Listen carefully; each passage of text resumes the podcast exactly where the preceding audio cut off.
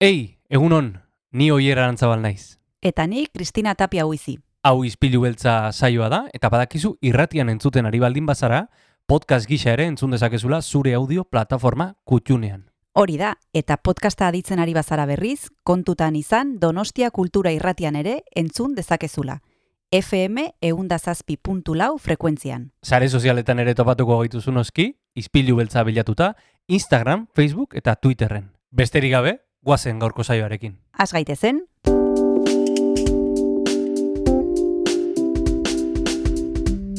Ispilu beltza. Donostiako kulturaren berri, Oyer Arantzabal eta Kristina Tapia buizirekin.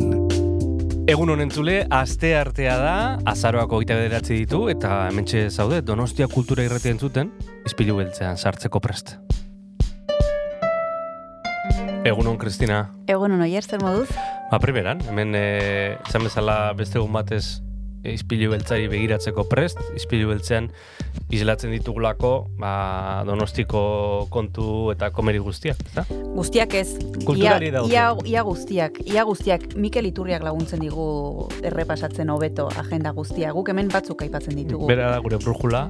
Bai, eta- atzo izan genuen gurekin, eta gaur asteartea da, eta badakizu entzule asteartetan zinemari buruz aritzen garela hemen Donostia Kultura Erratian, eta gaur etorriko da Pedro Saldaña, atzo iragarri genuen moduan, Plumas pelikula aipatuko du berak, Omar El Zoairik e, zuzendutakoa, hori zinemari dagokionez, eta gero antzerkiari buruz hitz egingo dugu hemen oier, e, lagun beltz asko lana ekarriko du Asier Sota besteak beste. Asier Satoa aktoreak, eta arrazismoaren inguruko hausnarketa bat proposatuko digu berak. Lagun beltz asko abenduaren batean eta bian zazpitardietan antzokizarrean izango da, eta guk gaur hemen izango ditugu azaltzeko horranoen inguruko xetasun guztiak. Oiko dugun legez, Kristina, beti zaitzen gara ekartzen protagonistak izpilu beltzera, eta gaur erala egingo dugu Jon Gartziaren baimenarekin. Hori da, guazen gaurko saioarekin.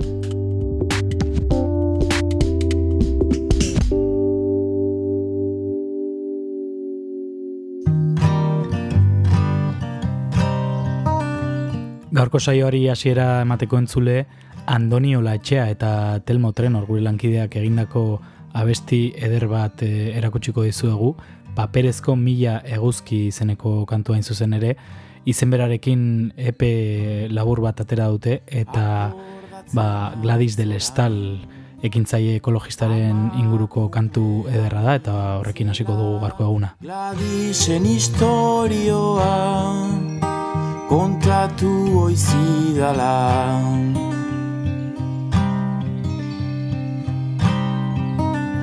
Auzoko karriketan Paperezko mila eguzki Kalai begiratzen induten Naiz eta triste egon.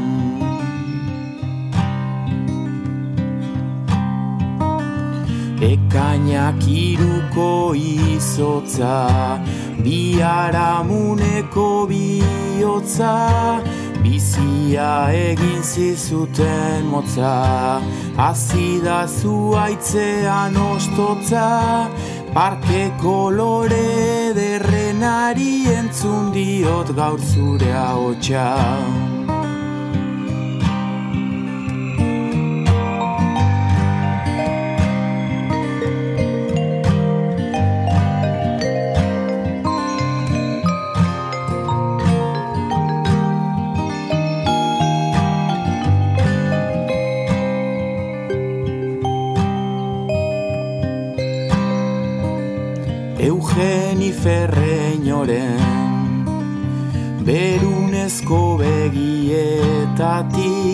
Zergatik galdera mindu zen Atotxako dorretik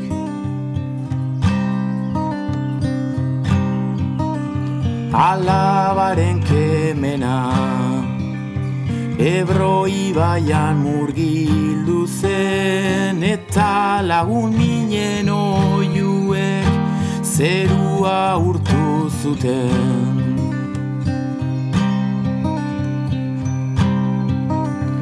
Ekainak iruko izotza, biharamuneko bihotza, bizia egin zizute motza.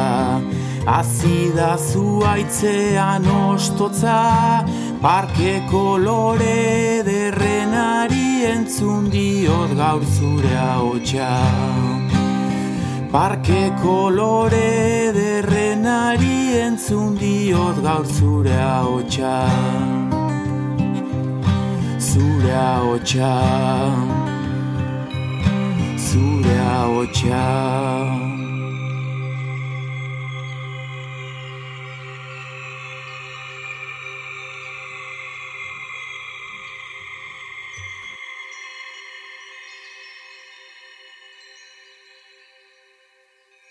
Abenduaren batean eta abian izango da donostian, antzokizarrean, zazpiterdietan, lagun beltzasko antzeslana. Bai, lagun beltzasko edo muchos amigos negros, ze egun bakoitzean hmm. hizkuntza batean izango da, eta asier sotak kontatuko digu besteak beste nola den bi hizkuntzetan lan egitea, eta nola sortu den e, antzeslan hau egiteko aukera, arrazismoaren ingurukoa, eta beste gai batzuk ere jorratzen dituenak. Bueno, jarraian entzungo ditugu asier sotak kontatzeko dituenak. Ah!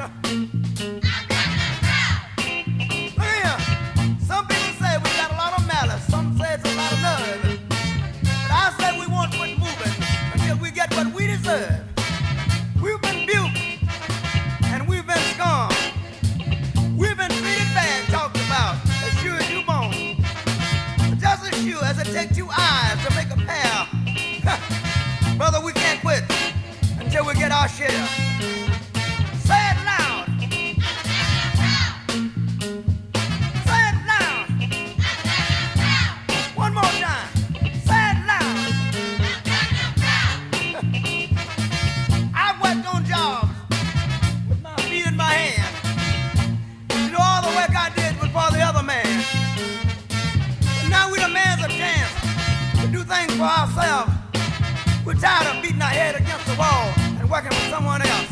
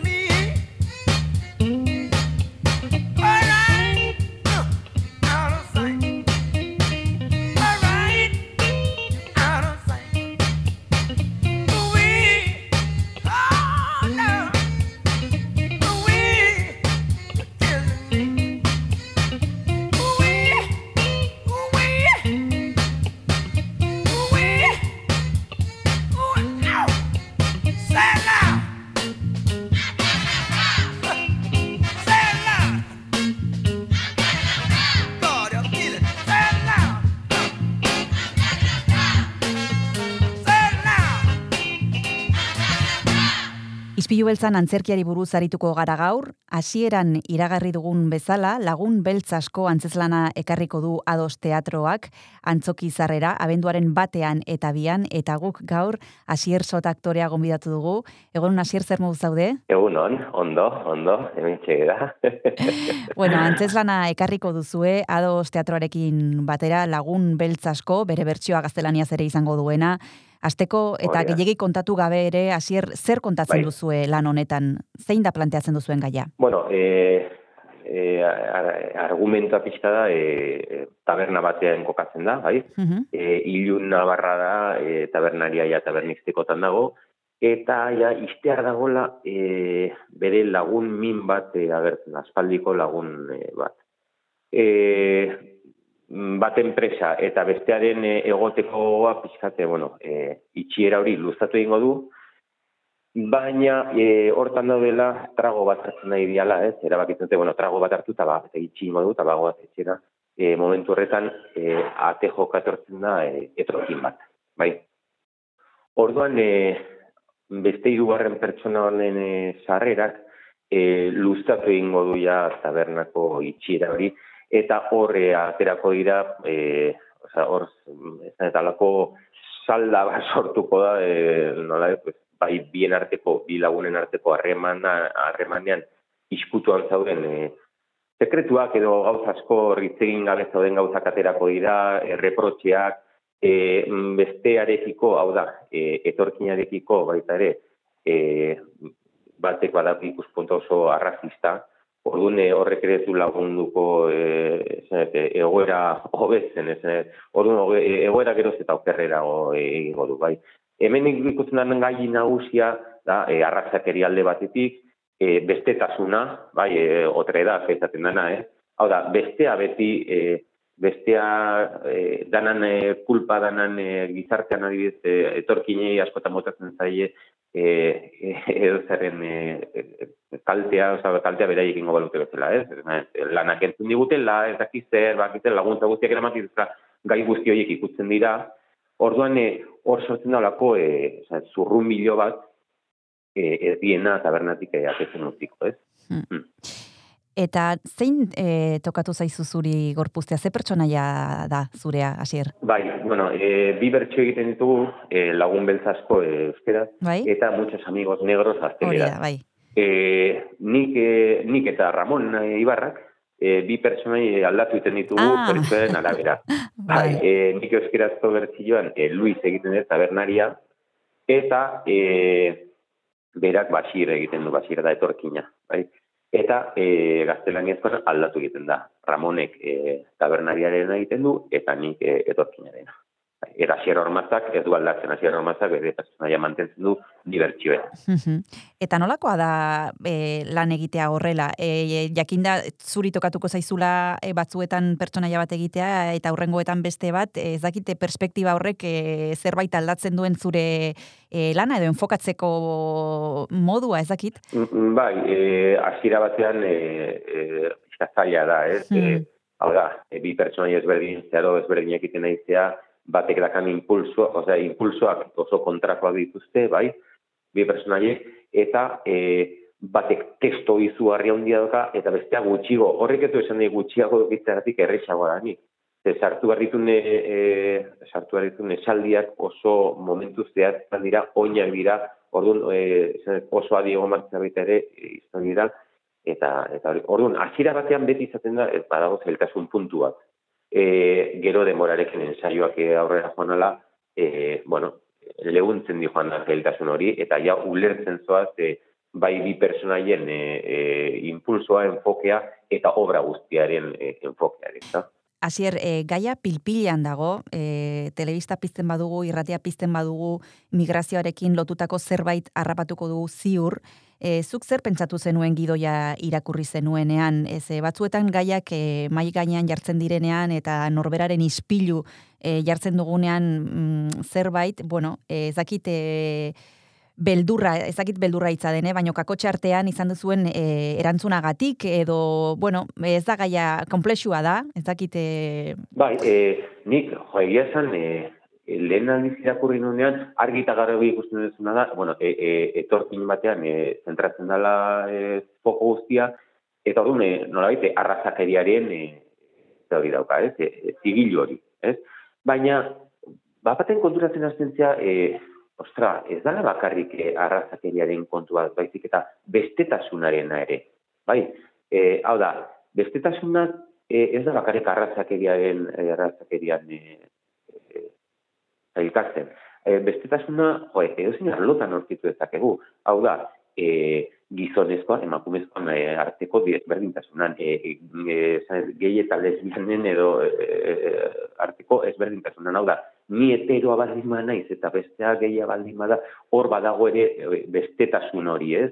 E, eta bestetasuna beti zer ikusi da, edo, edo, edo, edo, edo, herriko, herri bateko izanik, herri berri batera juten batera bizitzera, kanpoko kanpotarra zera baita ere esan ez e, naiz eta euskaldu nahi izan eta nahi ezun guztia baina jatzea herri horretakoa horrek esan nahi du bestetasuna zinean e, behiratzen zituztela o bueno azkenen lupak imegiratzen zituztela ez? Eta edo zein arazo baldin badago herrian demagun seguro lehenago behiratzen zituztela behiratuko ez zuri. Nola, nola jokatu dezun ez dakit ze gauza jakinen aurrean herriko bati baino ez? E, baino eraman ditzatugu beste arlotara bai? E, futbola, eske berdin, eta zartuntzea pentsatzen, e, bestetasun hori, zenbat lekutan, e, lekutan eraman dezakegun, eta eta ikusten dugu, ostra, e, gure jokatzeko moduak, ufa, be, e, berbe giratu inbarkeko egin hmm. barko genitu. Hmm. Bai. bai. Oraintxe bai. bertan jarraituko dugu gai eta, interes... Bueno, eta, bai. eta, esatea, eta, esatea, eta, eta gehitzea, e, bai, benetan e, e, gure gizarteak e, bestetasunarekin e, arazondi badaukala, arrazeak egia medio, bai, Zer, askotan, e, da, esaten ez nire neka ratista, e, baino, gero segitu natetzen dira olako e, lagin txiki batzuk nun, tuk, gure barruko e, arrazista horra zentzena, ez? O bestetasunarekin zediku zeukan hori agertzen dana. Bai. Oraintxe bertan jarraituko dugu hasier gai interesgarri honen bai. inguruan hitz egiten, baina tarte bat hartu behar dugu, eta oraintxe bertan itzuliko gara.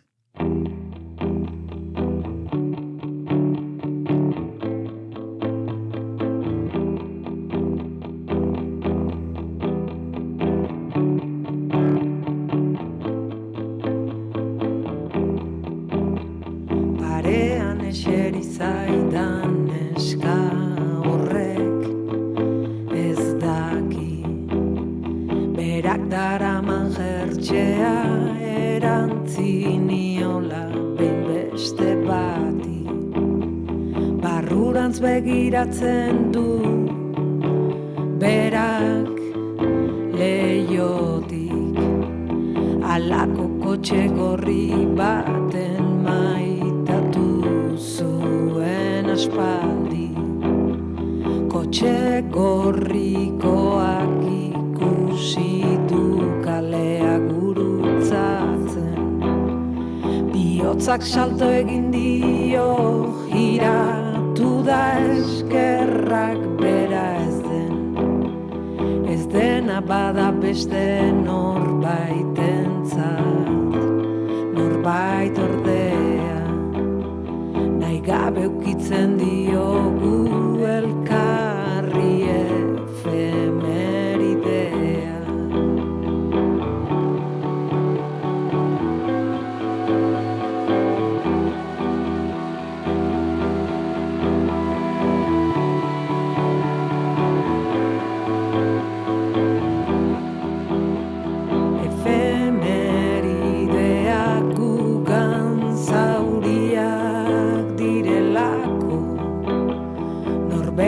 bakarrik minez ospatzen ditugulako. Ez gaude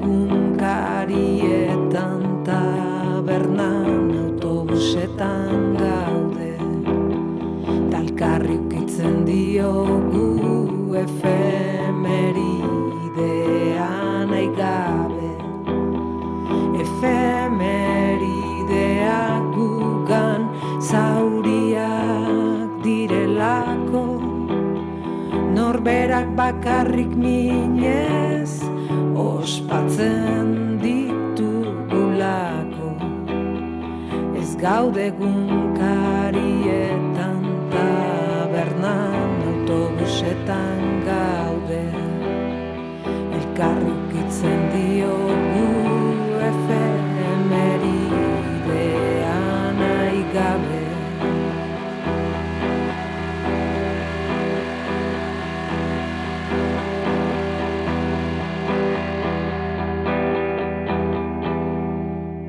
Asier Sota aktorea daukagu gaur telefonoaren beste aldean Donostia Kultura irratian, izan ere lagun beltz asko, edo gaztelaniaz nahi izan ez gero muchos amigos negros ikusteko aukera izango dugu antzokizarrean abenduaren batean eta bian, arratsaldeko zazpiterdietan, eta itzakia horrekin deitu diogu kontatzeko zeri buruz e, hitz egingo diguten, eta arrazakeria da gaietako bat, baina bestetasuna ere bai. Eta ari zinen, e, justu bukaeran aipatu duzu Asier gauza interesgarri bat, irutzen zaigu e, hemen ez garela e, razistak, eh? norberak bere burua eluke etiketa horrekin e, jarriko, ez gara matxistak, ez gara hainbeste gauza ez, baina e, eta ba, bueno, beste homo, e, lesbianekin, e, hain- hainbat, hainbat gaiekin e, horrela gertatzen da, baina gero ispilboaren aurrean jartzen garenean eta ikusten dugunean gure burua e, egoera konkretu baten aurrean, ba hor agertzen dira, jak, gauzatxo batzuk e, esaldi hoiek igual e, kolokan e, jartzen dituenak, ez da? Ez dakit zer iruritzen zaizune. Bai, bai, hala da. E, e, bestetasuna daukana da, nolabait, beste, ezagutzen ez dugun horri, bai, e, alde batetik interesik ez edukitzea bere bizitza nolakoa dan, bere bizi modua nolakoa izan dan, e, eta pixkat e, e, hortan sakontzea, ezta? E, hori hori ez dugu e, ez dugu lan hori egiten. Hor, horregatik ere e, errexagoa zaigu e, gure ni bestelako edan pertsona bati nolait etiketa bat jartzea eta listo, ez? Eta eta ez da ez dakate sakondu beharri. Ya está, esan ete ja etiketa bat jartzen dut, eta nolait pertsonali ere simplifikatu egiten dugu, bai? Eta pertsonali simplifikatzen dugunean eh jo, egiten egean minaz eh, ez gera konturatzen, ez? Porque azkenan pertsona bada ni bezalakoa eta bere bizipenak edukiko ditu, bizitzan eh, esan ez, eh, eh, rekorrido bat edukiko du ni bezalakoa, bueno, ezberdina esan ez, ni bezalakoa baizik eta eh, eh, baitere bizipen batzuk, ni bezala esaten baitere bizipen batzuk eduki dutela, eta seguro que igual zailagoa, ez? Igual ni erosogo bizitza, igual ez, ez dakit, hori, hori ere, zenete, e, gu hemen kapotxarkan jarri, baina lehenengo munduan bizi gehalako, ez, ez, ez gea errexago bizi ere, ez? Batzutan ematen du hemen dana e, oso ondo dagoela, baina zaila da hemen ere bizitzea, ez oso zaila da, oso zaila da hemen bizitza batu da. Ez, bueno, gero da, da daude, e, e, bakoitzaren bizipen pertsonala. Horrek, e, esan, gogortu dezakela e, edo zeinen pertsona, hemengoa edo hangoa, ez? Baina e, horretik ez dut, bestea simplifikatzea oso erresa, eh, etiketa bat jarri eta listo, ez da zertan sakondu behar ez. E, honetan e, pentsatuz eta pixka bat e, hausnartzen badugu e, azalaren koloreak dudarik gabe, pixu handia dauka, baina nik ezakit e, den batzuetan azalaren kolorea edo sakelean e, daukaten dirua, ze Iñaki Williams batek ez digu inungo arazorik eh, sortzen edo Beyoncé batek, Aha, ez Claro. ez dakit gustatzen Bai. zaizkigun, ez zaizkigun gustatzen beltzak edo pobreak. bai, bai, nola baite beraiek e, lortu dute e, gu bezalako izatea. Hori da. Gure gana gerturatzea, eta hau da, esan e, e, zergatik ikusten dugu kaletik ere emakume bat hiru umeekin eta ez dugu ez gati, ez, dugu txalotzen, eta gizonezko bat ikusten dugu kalean hiru umeekin arrastaka eta txalotu egiten dugu hor, ba, zona, ez hiru umeekin. e, Padrazo esaten Baina zaigu. gizonezkoak, bai, eh, baina gizonezkoak ere ez du egin ariketa bat. Oza, emakumea lanea, lanera juntan kanpora, ez? Esan, kanpora etxetik kanpo, esan, etxetik kanpo lanea juntan, ez? Lortuzun borroka, lortuzun bere lekua nola bait, e, e, bizitza laboraldean, bere lekua lortuzun. Baina gizonezkoak ez du kontrako ariketa egin. Hau da, ez da lanetik etxea itzuli. Eta nik ere uste hor borroka badagola, ez? Gizonezkoen artean, ez, ez du, eh, oso, eske bapatean dana daude ka- eh, lanean kanpoan, horrek esaten du, eh, duena, soldata, bi soldata egotea etxe batean, eta horrekin, pues, eh, munduko eh, komertziak segitu egiten du, ah, bai, eh, gehiago irabaztute, gehiago gasatu dezakete, supererrez. Baina gizonezkoak ez du egin ariketa hori, at, eh, etxera itzultzen. Batzu bai, baina, baina nik ez zein, eh, ariketa interesgarria dagoela Bai, horrekin. zalantzarik gabe. Bai, horregatik ez ez zerikusiak ala beste horrekin, ere, ez, emakumea nola bait, ez lortu du gizonezko bezala izatea, eta bai. angora egotzea, eh, bere lanpostua aurkitzea, etxetik kanpo, baina gizonak ere igualen barko duke, beste hori ez, beste lan hori. Eta bai. latzerak egin da, berreskuratu baita ere oso garrantzitzua zerbait, ez, mm. etxea, mm. etxea zeintzea. Bai. Eta zen garrantzitsua den bestearen lekuan jartzea pixka bat behintzat. Eta horren inguruan ere ari da e, zuen e, lana, laguntz beltzasko, lagun beltzasko, muchos amigos negros asier. Bigarren tartea hartuko dugu eta orain bertan jarraituko dugu zurekin hitz egiten. Oh, zendo.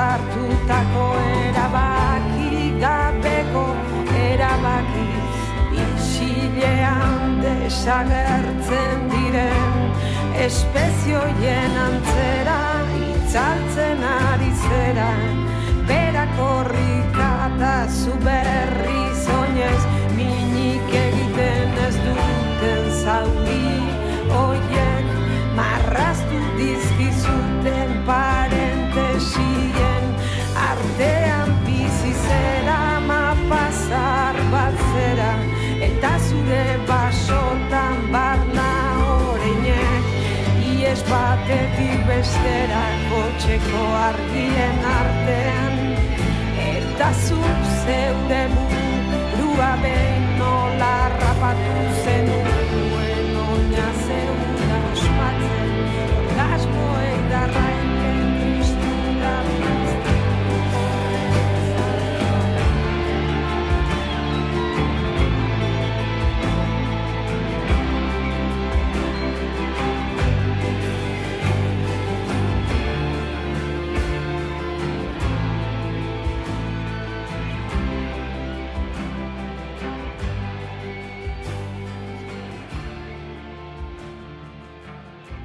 Donostia Kultura Irratian jarraitzen duzu, hemen gaude izpilu beltzan gaur antzerkiari buruz hitz egiten ari gara, abenduaren batean eta bian arratsaldeko zazpiterdietan antzoki izarrean lagun beltz asko, muchos amigos negros ikusteko aukera izango dugu, eta guk aktorea, aktoretako bat gonbidatu dugu, Asier Sota, aipatu duzu Asier Asieran, e, tokatzen zaizula bi paper egitea, eta gainera bi hizkuntzatan hori da ja e, doble tira buzon, edo ez dakit nola deitu, nik ez dakit e, lan hontan eta prozesu hontan zer suertatu zaizun zailena hizkuntza, e, da, e, horrekin ohituta zaudeia, edo bi paperroiek egitea, ba, egonda korapiloren bat e, prozesu hontan? E, ez, ez, egia esan, e, neko modu e, politian junda, e, ne gustatzen zait esan edo, garbi zuzen, e, zuzendaritza, garbi losa dago Bai, zuzendaritza bai. lanean, e, ni oso eroso sentitzen naiz e, berarekin, haino aier bere onda la, e, zuzendari laguntzaile bezala, horrek ere, e, osea, esan bi pertsona horiek horre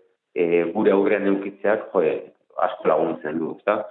E, hori batetik. Eta bestetik esan dut, e, e, zailtasunak lehen e, aurrea aurretik esan duten bezala, zailtasunak beti hasieran nahiko handia dira, nik beti esate, eta hau da zaldi bat bezala, domatu beharreko zaldi bat bezala, hasieran gainean esertzentzea, eta lurre erortzentzea behin eta berri. Eta azkenean poliki-poliki domatzen zaz, ez? Eta ja, bueno, e, bin harremana, obrak ja zaitu botatzen, baizik ere ere laguntzen duzun noraka eraman, eta ja domatzen hasten zera hori, ez? Bai.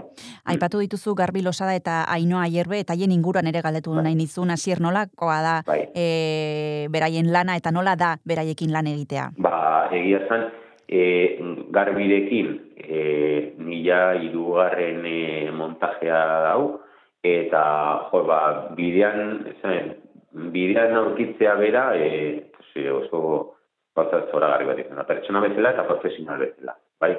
E, niretzat izan da, pues, e, opari bat, opari bat bera aurkitzea. Eta dakan lan egiteko modua, e, bera ensaiotara etortzen da ja, obra oso oso ondo ezagutzen dula. Inor baino hobeto ezagutzen du obra. Eta jo, horrek asko laguntzen du. Asko laguntzen du. Ze pista pila bat ematizkizu, e, pixka galduta zaudenean segitu, kokatzen zaitu oso, oso errez esatizu hau hola da, e, e, honeatik egiten du. Eta gero askatasun hau dizuzuk ere zure gauzak ateratzeko. Hori ere garrantzitsua da. Eta ainoa, ainoa, e, oza, nahi ikaragarrez aktorea, eta ikaragarrezko e, zuzendari zaldanen ere oso nahi dana.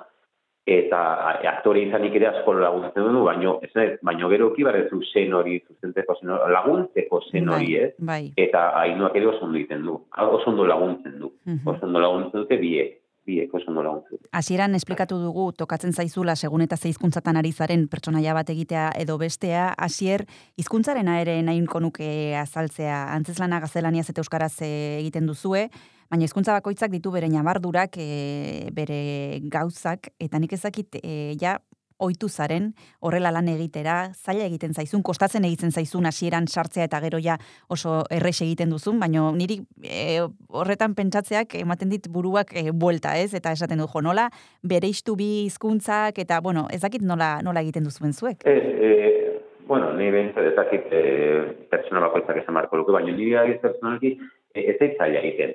E, azkenean, e, e, historia berdina da.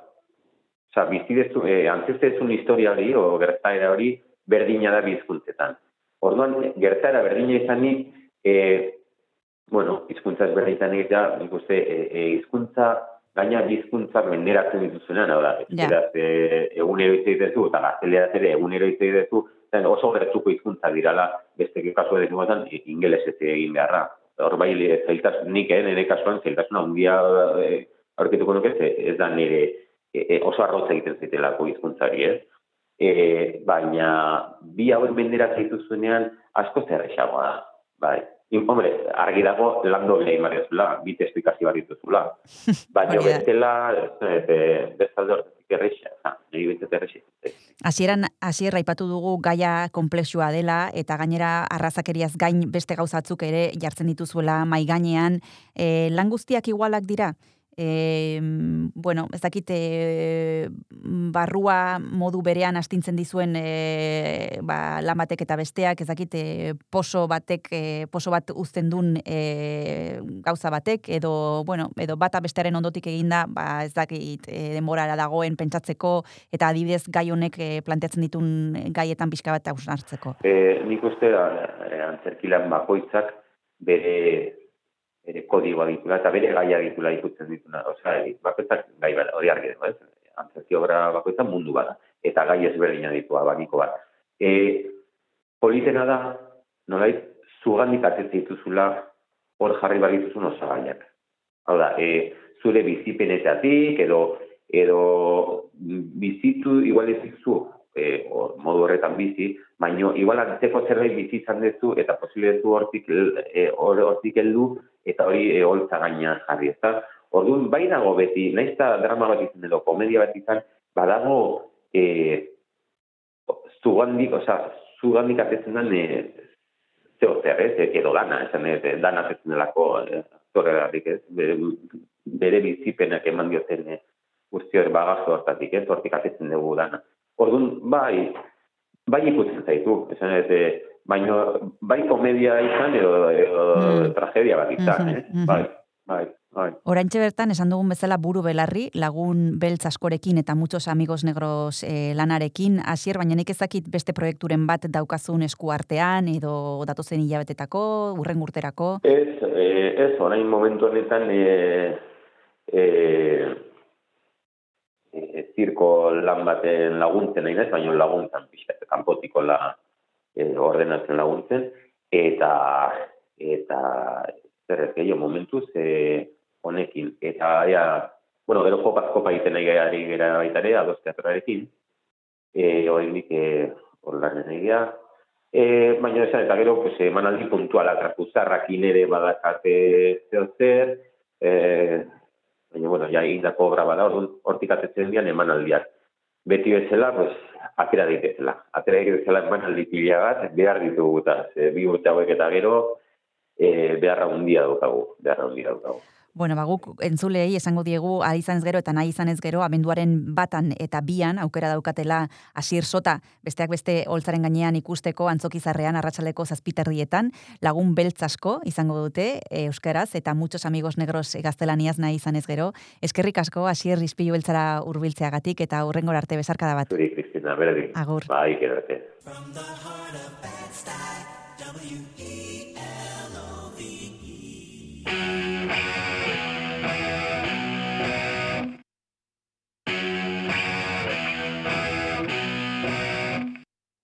Ikusita neukat, amodio eta gorrotoa Azkozkoetan, tatuatorik Baina ukabilka, ibiltzeko Atzak jantzi behar dituzu.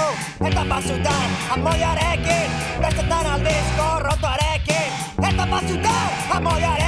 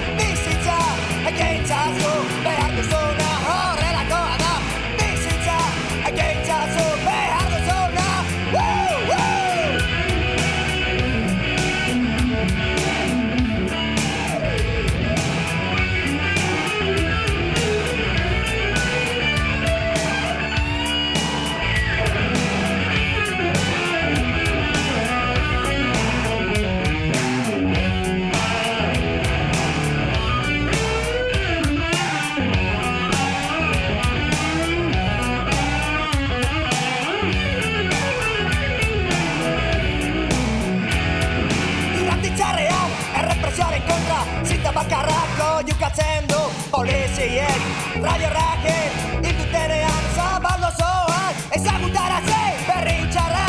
Radio Raken heldutela Eta pizzeriako fiskalitako hormetan Partireta malko azalduko dira. Horrelakoa da Bizitza agentzazu behar duzuna. Horrelakoa da Bizitza agentzazu behar duzuna.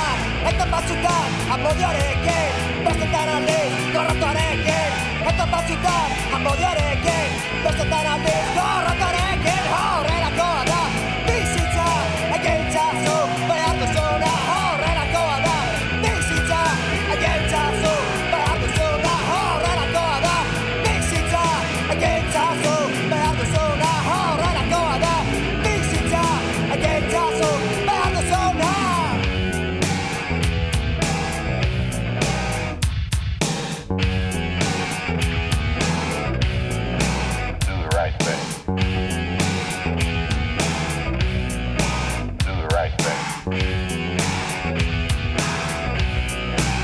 Gaur asteartea da, entzule eta badekizu asteartetan zinemari buruz aritzen garela hemen Donostia Kultura Irratian ispilu beltzan hasieran iragarri dugun bezala, gaur Kresalako Kresala Zineklubeko lagunak etorriko zaizkigu eta kasu hontan Pedro Saldaña dugu telefonoaren beste aldean, gaur ekarriko duten ekarriko duen e, pelikulak izena du Plumas eta Egiptokoa da eta zuzendaria da Omar El Zoairi, ezakit ondo ahoskatu dudan, baina bueno, saiatu naiz ez letrarik asmatzen. Egunon, Pedro, ¿qué tal estás? Muy buenas, muy bien, gracias. Bueno, nos vas a hablar de una película eh, que, cuya sinopsis acabo de leer y me ha dejado la cabeza un poco dando vueltas. Ahora nos contarás eh, de, qué- de qué trata esta película y cómo aborda lo que aborda desde, desde una perspectiva un poco curiosa, ¿no? La premisa lo es, desde luego. Cuéntanos, eh, lo primero de todo, Pedro, cuál es el resumen, sin desvelar el final, por supuesto, de, de esta película titulada Plumas. Mm, Sí, eh, la sinopsis es bastante sencilla. Un padre eh, autoritario en, en un Egipto patriarcal. eh, que bueno, en un momento determinado, en la fiesta de cumpleaños de su hijo de cuatro años, tiene tres hijos, eh, un mago le convierte en gallina. A él, al padre. Eso es. Y a partir de ese momento, la madre tendrá que hacerse cargo de la familia. El padre ya no traerá el sustento, trabajaba en una fábrica. Y a partir de ese momento, pues eh, la madre tendrá que emprender un viaje que la transformará completamente. O sea que en la película vamos a ver eh, que uno de los personajes es una gallina y, y porque el mago no puede revertir el bueno el hechizo o, o el o bueno por, por lo que le ha convertido en gallina no puede volver atrás. Entonces al final eh, hay, en, toda la película una gallina que era el padre. Sí, eh, a ver. eh, el momento del truco está muy bien porque eh, hay un momento en el que te enseñan cuál es el truco. Mm. Eh, al padre le meten dentro de una caja y desaparece y aparece una gallina. Mm. Y hay un momento cuando no lo encuentran que le dan la vuelta a la caja y se ve perfectamente como la caja tiene por la parte de atrás una trampilla por la Mm. que sacar. eh, bueno, pues eh, desvelan el truco de magia, por decirlo de alguna manera. Pero es cierto que el, que el padre no, no aparece y luego además desaparece también el mago, con lo cual nos llevan una primera parte a, a intentar encontrar al mago y luego a asumir la pérdida y a eh, ver a partir de ahí qué es lo que puede hacer para sacar a su familia adelante, que hay tres niños que tienen que comer todos los días, Mm. etcétera.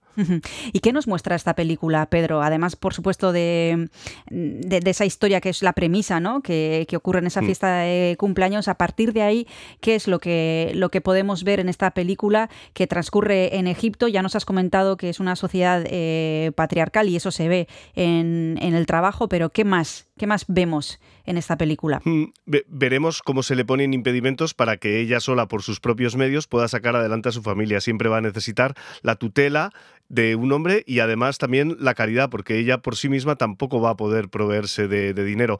En algún momento esta situación cambiará y luego, bueno, pues la historia, la película dura una hora y 50 minutos, la verdad es que cuenta muchas cosas y aparte también de lo que cuenta, eh, está en el, cómo lo cuenta, porque, bueno, de una manera también bastante original, austera por otro lado y, y cómica en algunos momentos, con pinceladas de humor negro, surrealismo, Mm, etcétera. mm. Ahora vamos a hablar de, de estas cosas que, que nos has citado ahora mismo, surrealismo, humor, ne- humor negro, pero antes nos vamos a tomar, Pedro, un descanso y te voy a pedir que nos propongas una canción para que compartas con los oyentes. ¿Qué se te ocurre? Pues una, una canción de la banda sonora de la película, que la verdad es que está bastante bien, que es, bueno, Popcorn, la, la de toda la vida, pero la versión de Omar Khorshid, que, bueno, suena en la película y, y está muy, muy bien. Perfecto, pues vamos a escucharla. Thank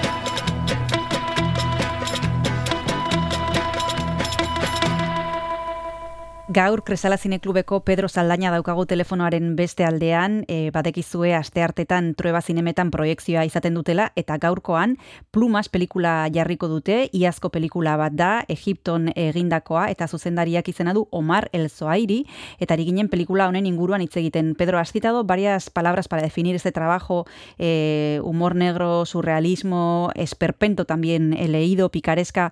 Eh, todas estas cosas se pueden ver en esta historia que, como decimos, transcurre en Egipto y que además de mostrar cómo una mujer no puede eh, llevar adelante a su familia, pues eh, utiliza esas pinceladas el autor, ¿no? Para, para contarnos esta historia. Sí, sí, ya prácticamente desde el primer momento, eh, casi al empezar la película, ya vemos que ellos viven dentro de una fábrica. El, el espacio en el que viven es realmente es surrealista porque ella, o sea, hay momentos en los que la fábrica se pone en, en funcionamiento, las chimeneas se ponen en funcionamiento, tienen una chimenea justo enfrente de, de la casa y tienen que cerrar la ventana porque si no contamina toda la casa. Esto me recuerda vagamente por un lado a a la película Parásitos, en la que Mm. al principio de la película les fumigan literalmente, incluso el padre de. Parásitos dice, no, no, dejad las, las ventanas abiertas porque está todo el mundo intentando cerrar, que así nos desinfectan la casa. Y luego también en, en, en El Verdugo de, de Berlán hay un momento al principio en el que no es fumigación, pero como viven en un subterráneo, cuando pasa el camión del agua, que va echando agua para limpiar la calle, Sí, también verdad. se ven obligados a cerrar la ventana porque si no, eh, les entra, quiero decir, un- eh, las clases más desfavorecidas eh, sufriendo pues en, en el sitio en el que viven, que no es un sitio propio, no es un sitio en el que bueno pues puedan vivir decentemente, en este caso mucho más extremo que en los otros dos, desde luego. Como decíamos, eh, podemos ver en la película una sociedad eh, egipcia machista. ¿Y qué más cosas? ¿Qué, describe, qué, qué Egipto nos describe el, el director, Pedro? ¿Qué más Mm, cosas podemos ver? Ellos viven aparentemente apartados de la, de la civilización, ya digo, en medio de, de una fábrica. Eh, se puede ver pues un Egipto, eh, no sé si puede tener eh, in- influencias. eh, las consecuencias de la primavera árabe y, Hmm. y lo que no ocurrió, lo que se Hmm. suponía que podía haber ocurrido y, y no ocurrió, el inmovilismo quizás, eh, eh, esta regresión hacia, bueno, pues eh, eh, países eh, que adoptan la religión como una cuestión de Estado, no son países laicos, etcétera, da un poco la sensación de que hay momentos también en los que ya se va a ver, van a contra- eh, bueno, uno de los personajes hace contrabando.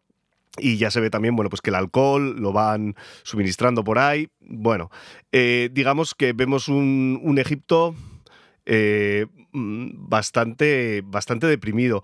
Esto también es verdad, eh, el director, me leí una, una entrevista que hizo para mm, la Semana de la Crítica de, de Cannes, que Mm. ganó allí Sí, un premio. Sí. Y bueno, él, él decía que sus grandes referentes eran para esta película o, o en su vida Bresson, eh, Kaurismäki Sí. y que Kaurismäki estamos haciendo ahora un ciclo Sí. y Jacques Tati. Mm. Y de- podría decir que hay quizás alguna cosa de ellos, porque está el sentido del humor, en algunos momentos un poco tatí, como esto de, tener que cerrar la ventana, eh, el, espacio también totalmente degradado, pero es de un feísmo, digamos, en algún momento como...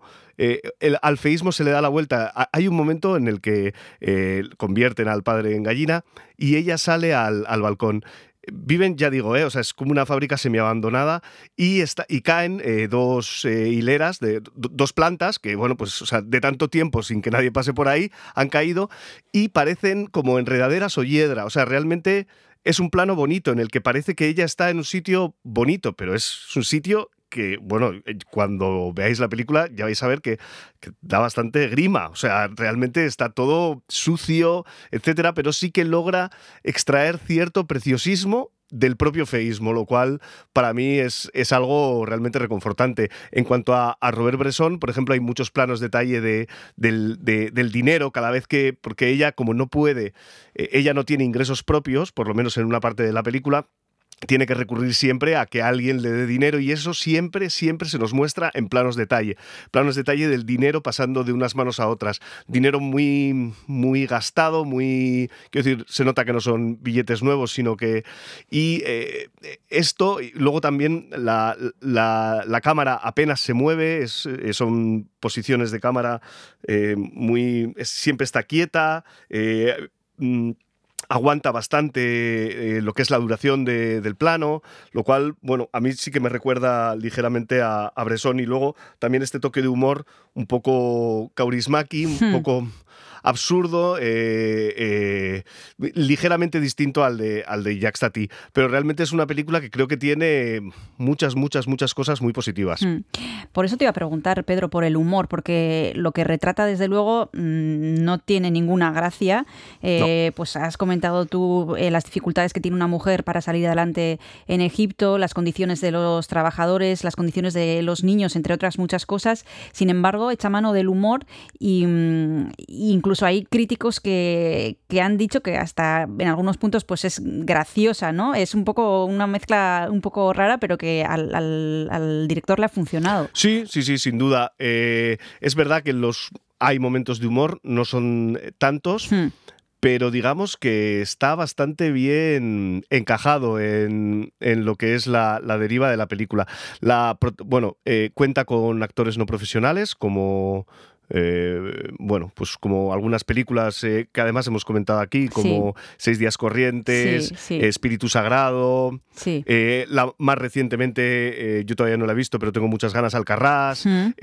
Cuenta con actores no profesionales y digamos que tienen unas actuaciones muy, eh, muy poco expresivas, pero es que es perfecto porque ella lo único que hace, eh, realmente la protagonista absoluta es ella, más que él, que sale en algunos momentos de, de la película, pero la- realmente la protagonista es, es ella.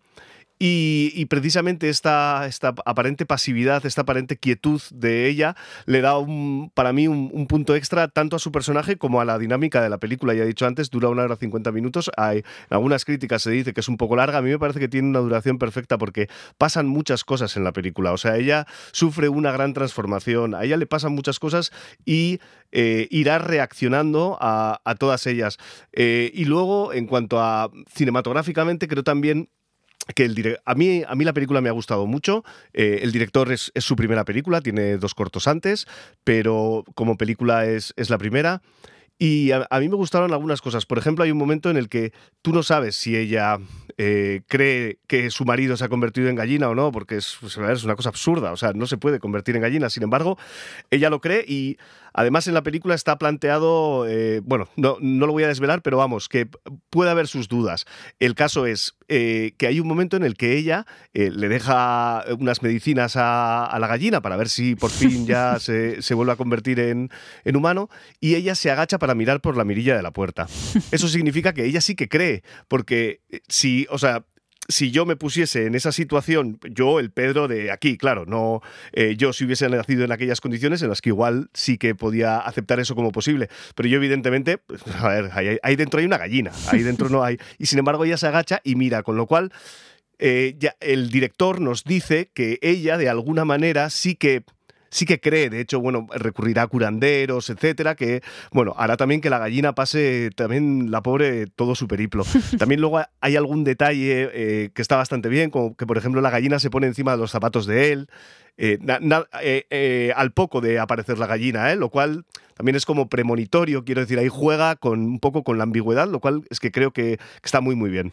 Ahora mismo vamos a seguir hablando de esta película tan interesante, Pedro, te- pero te voy a pedir que nos propongas la segunda canción para tomarnos el segundo descanso. ¿Qué podemos escuchar ahora? Mm, Pues otra canción de, de la película, que además eh, ocurre en un momento bastante importante.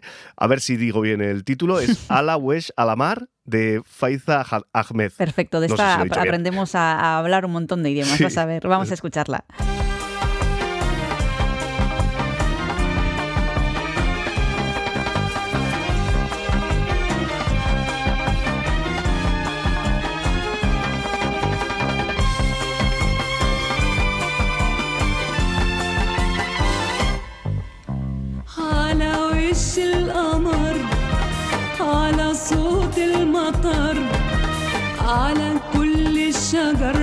حكتب لك حكتب لك يا حبيبي على وش القمر على صوت المطر على كل الشجر حكتب لك حكتب لك يا حبيبي حكتب لك عالشوارع وعالفجر اللي راجع حكتب لك يا حبيبي حرفين من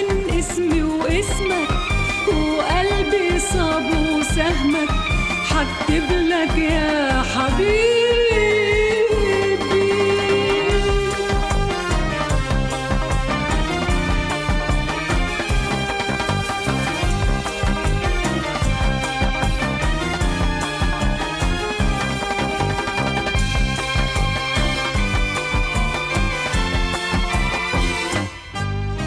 الدنيا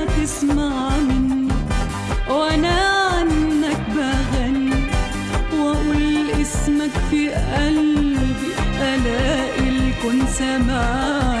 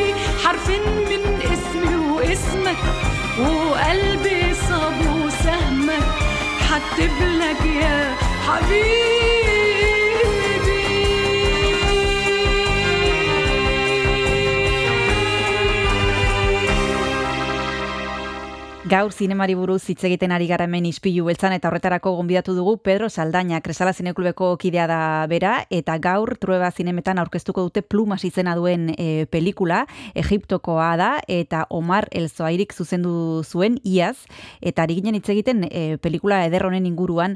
E, Pedro, nos has contado algunas e, escenas que, que tiene la película.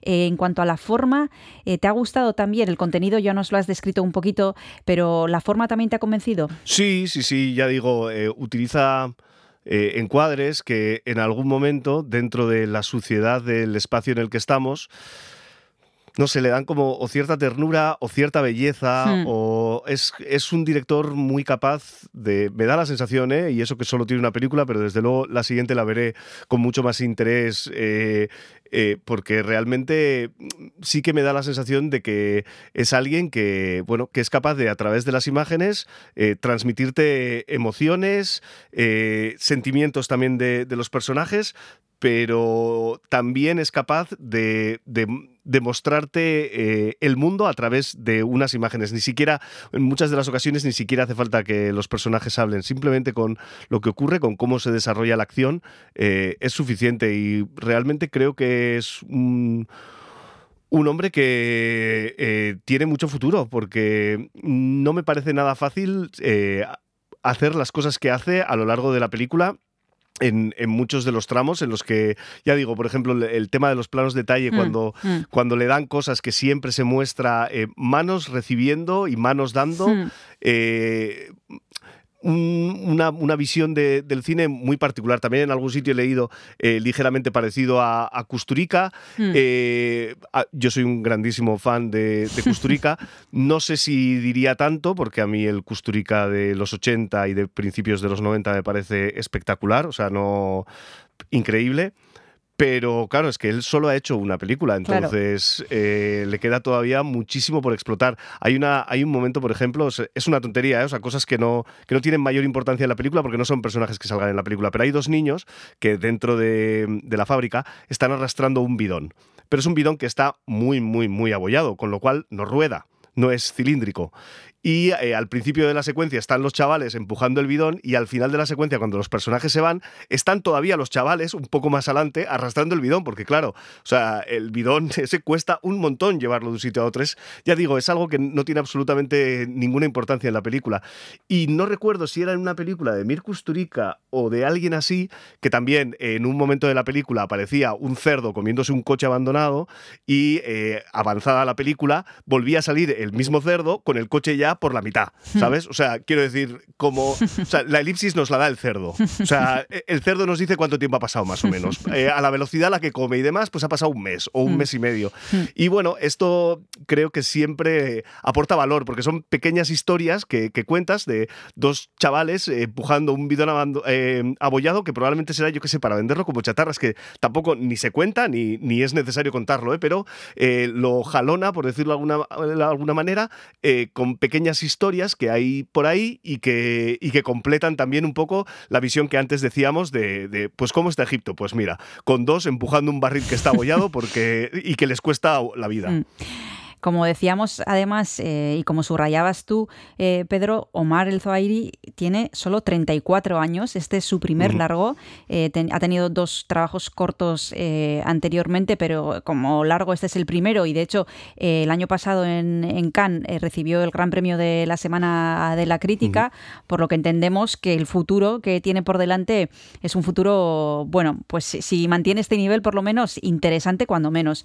¿A quién le recomiendas esta película, Pedro? ¿Para qué público es? Mm, Pues diría que a cualquiera al que le guste Kaurismaki, eh, a cualquiera al que le guste, pues sí, un poco también el- eh, esos mundos de Mir Kusturica, de mm, eh, eh, gente, bueno, pues que realmente que vive al margen de un poco de bien de la sociedad, o bien quiero decir que son working class, que son clase trabajadora, que no que no tienen un futuro esperanzador, que luchan contra, contra viento y marea. Eh, es que realmente, quiero decir, es una película que, como tú has comentado antes, que en el fondo es como muy seria, pero está contada de una manera que en algunos momentos te va a hacer reír. Entonces, yo como amante de, de la comedia, la verdad es que me lo he pasado súper bien, porque a mí las películas en general de comedia que más me gustan suelen ser aquellas que tienen, o sea, que en un momento te hacen reír, pero al siguiente te meten un hachazo. Chaplin, por ejemplo, es, es un maestro en esto, eh, que te hace reír a lo, a lo largo de la película, en Luces de Ciudad, por ejemplo, y en el momento en el que eh, la, la violetera le ve por primera vez, es un momento que te emociona, o sea, de una te, te conmueve. Y entonces a mí estas películas que son capaces, por un lado, de, de hacerte reír y de hacerte pasarlo bien y de, y de y- incluso con la forma, con, con eh, cómo está encuadrada, qué tipo de plano hace, etcétera, también son atractivos, pero que luego de alguna manera te hagan reflexionar sobre eh, el personaje, eh, sobre sus... eh, sobre su evolución, cómo pasa al principio de ser de una manera, al final de la película ser de otra, tú también te has transformado con ese personaje, quiero decir, has vivido todo lo que ella ha vivido, entonces de alguna manera sientes que, que, que que tú también has evolucionado, o sea, que tú estás en el mismo sitio que ella, incluso aunque cometa algún error o aunque, o aunque haga algo que en principio no está bien, de alguna manera empatizas con el personaje y creo que eso es, eh, vamos, es, es de elogiar. Bueno, pues esta propuesta es la que nos proponéis para esta tarde. Plumas en los cines Trueba a las siete y media de la tarde. Muchísimas gracias por habernos acercado esta joya, Pedro Saldaña, y hasta la próxima. Un abrazo. Muchas gracias, Cristina, a vosotros. Agur. Agur. Trained, best educated, best equipped, best prepared troops refuse to fight. Matter of fact, it's safe to say that they would rather switch than fight.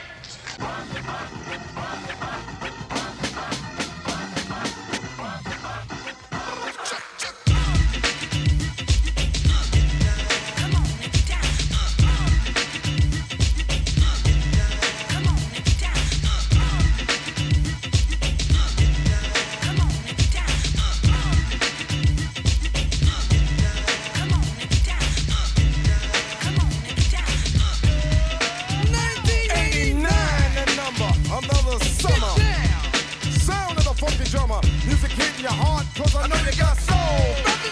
Hey, listen if you're missing y'all. Swinging while I'm singing. Giving what you're getting. Knowing what I know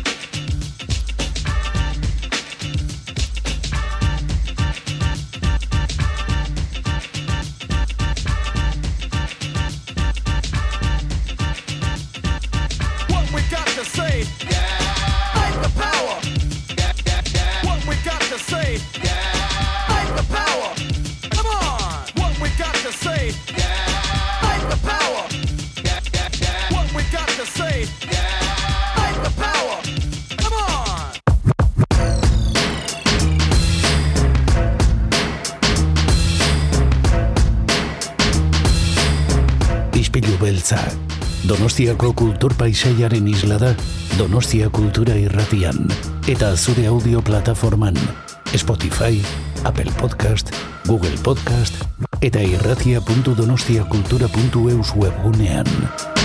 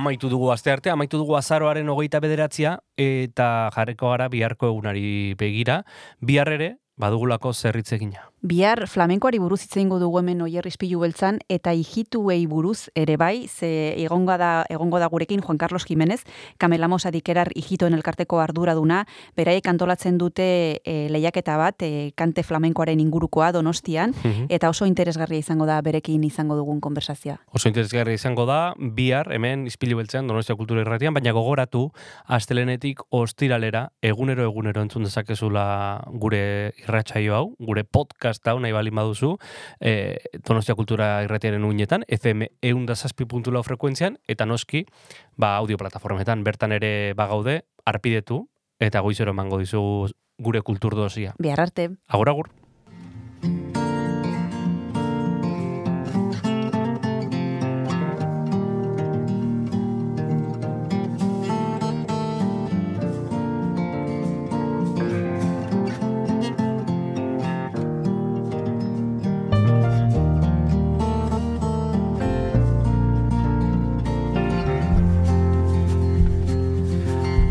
This is how I tell it.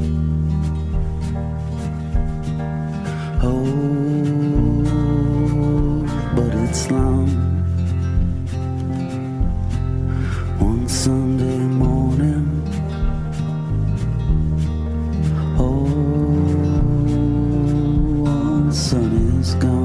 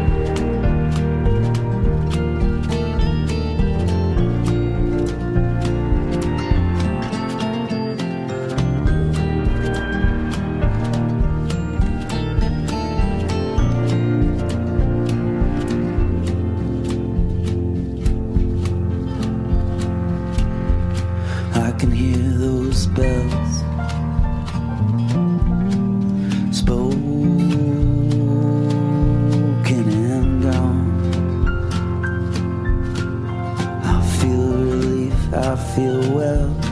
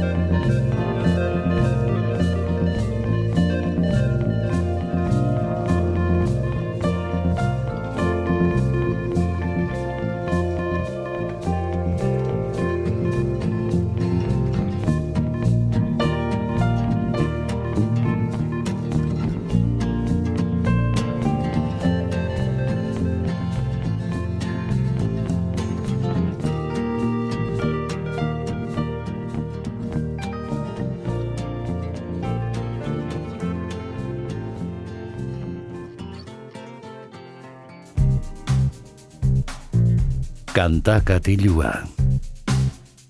Jon Gartziaren eskutik. Egun honen zule, ongi etorri gaurko kantakatilura, iritsi gara izpilu beltzaren amaiera honetara, eta bakizu hementxe musika maite dugula, eta diskoak maite ditugula, gaurkoan ere beste disko bat entzungo dugu, eta gaurkoan gazteizera joango gara, Benize izeneko artista ezagutzera, izan ere lehen lana kaleratu berri du, Benize izenarekin baita ere, eta besterik gabe guazen hasiera ematera lehen abestiarekin. Hau da, bazatoz. Ez dakite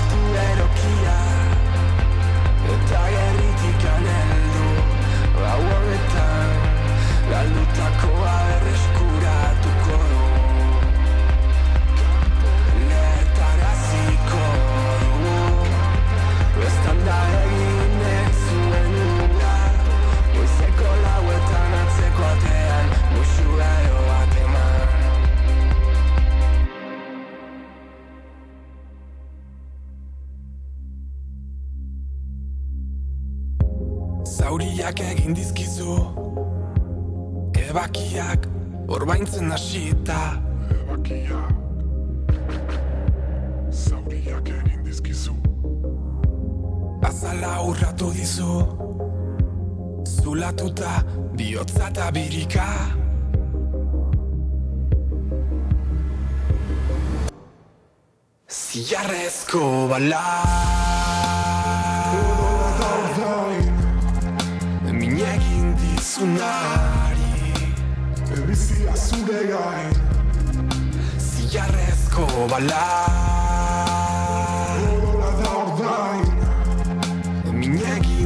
egin dizunari Ebizia zure gain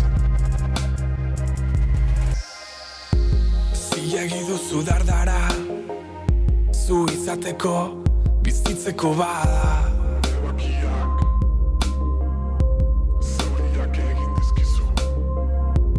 Pozoina eta ikara.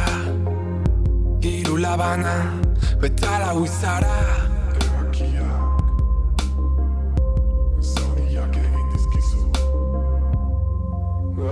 esatte usten Usten ez diunari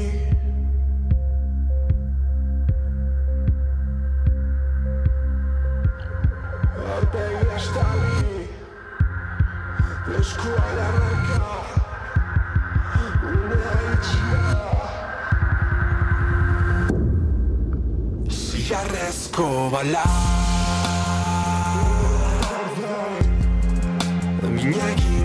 dizunari Ziarrezko bala. Min egin dizunari. Bizia zure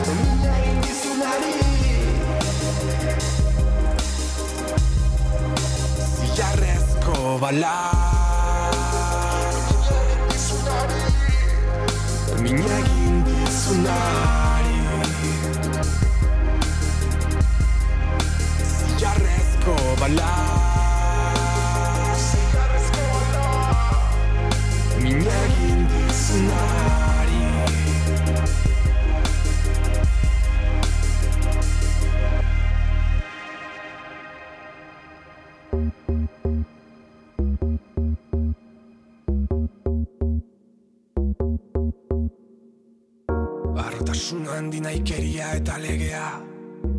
Goizero jantzi beharra baduzu uniformea. Esku burdina eta katea. Hobe dugu bakoitzak egin dezan bere bidea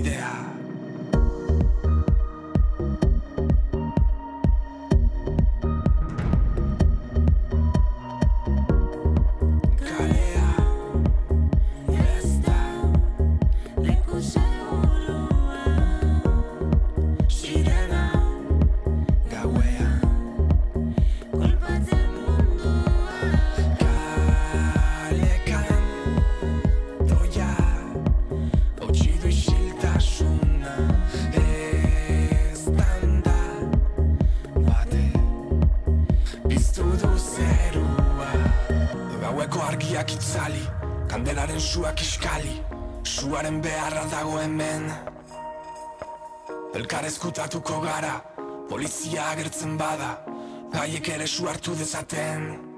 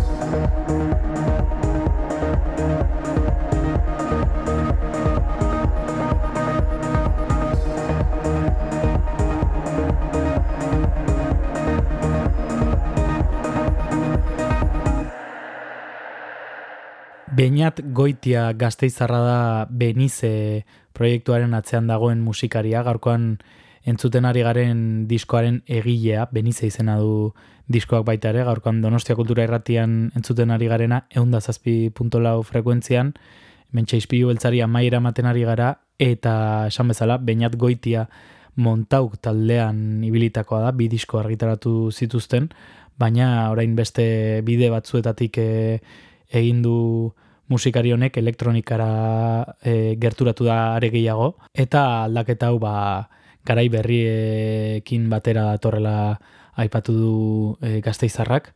Goazen e, entzuten eta ezagutzen jarraitzera disko eder hau, orain txentzun duguna izan da J. Martinarekin egindako kolaborazioa, sua izeneko kantua, eta entzungo dugu beste kolaborazio bat, izan ere bat baino gehiago dugu diskoan zehar, Horren honetan Ruper Ordorikarekin e, ba, generazio aldaketa dugu, e, abesti batetik bestera, eta abestiaren izena da Mamuak eta Izozkiak.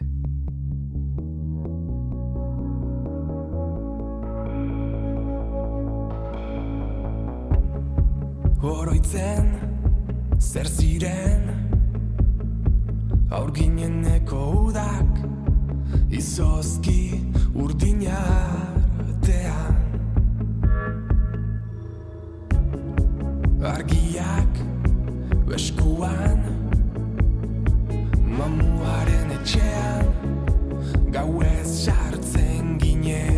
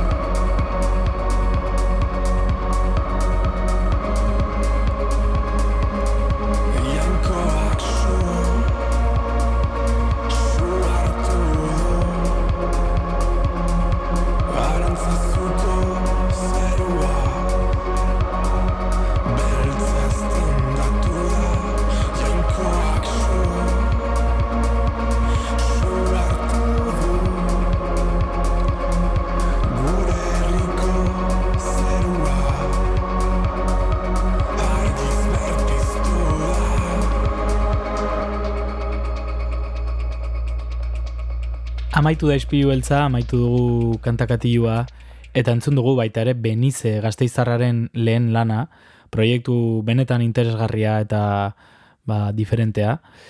Espero dugu gustokoa izana. E, Oren entzun duguna izan da urrea, intxaurrak eta txampaina, e, ispilu beltzan zehar e, noizbait pintxatu dugun kantua.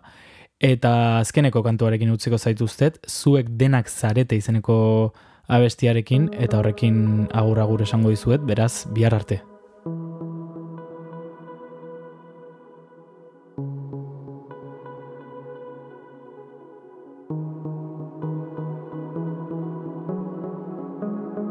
Ez ditut nere amets guztiak bete Itxututa haien menpe Ta orain konturatu naiz Behar dudan guztia zuek denak zarete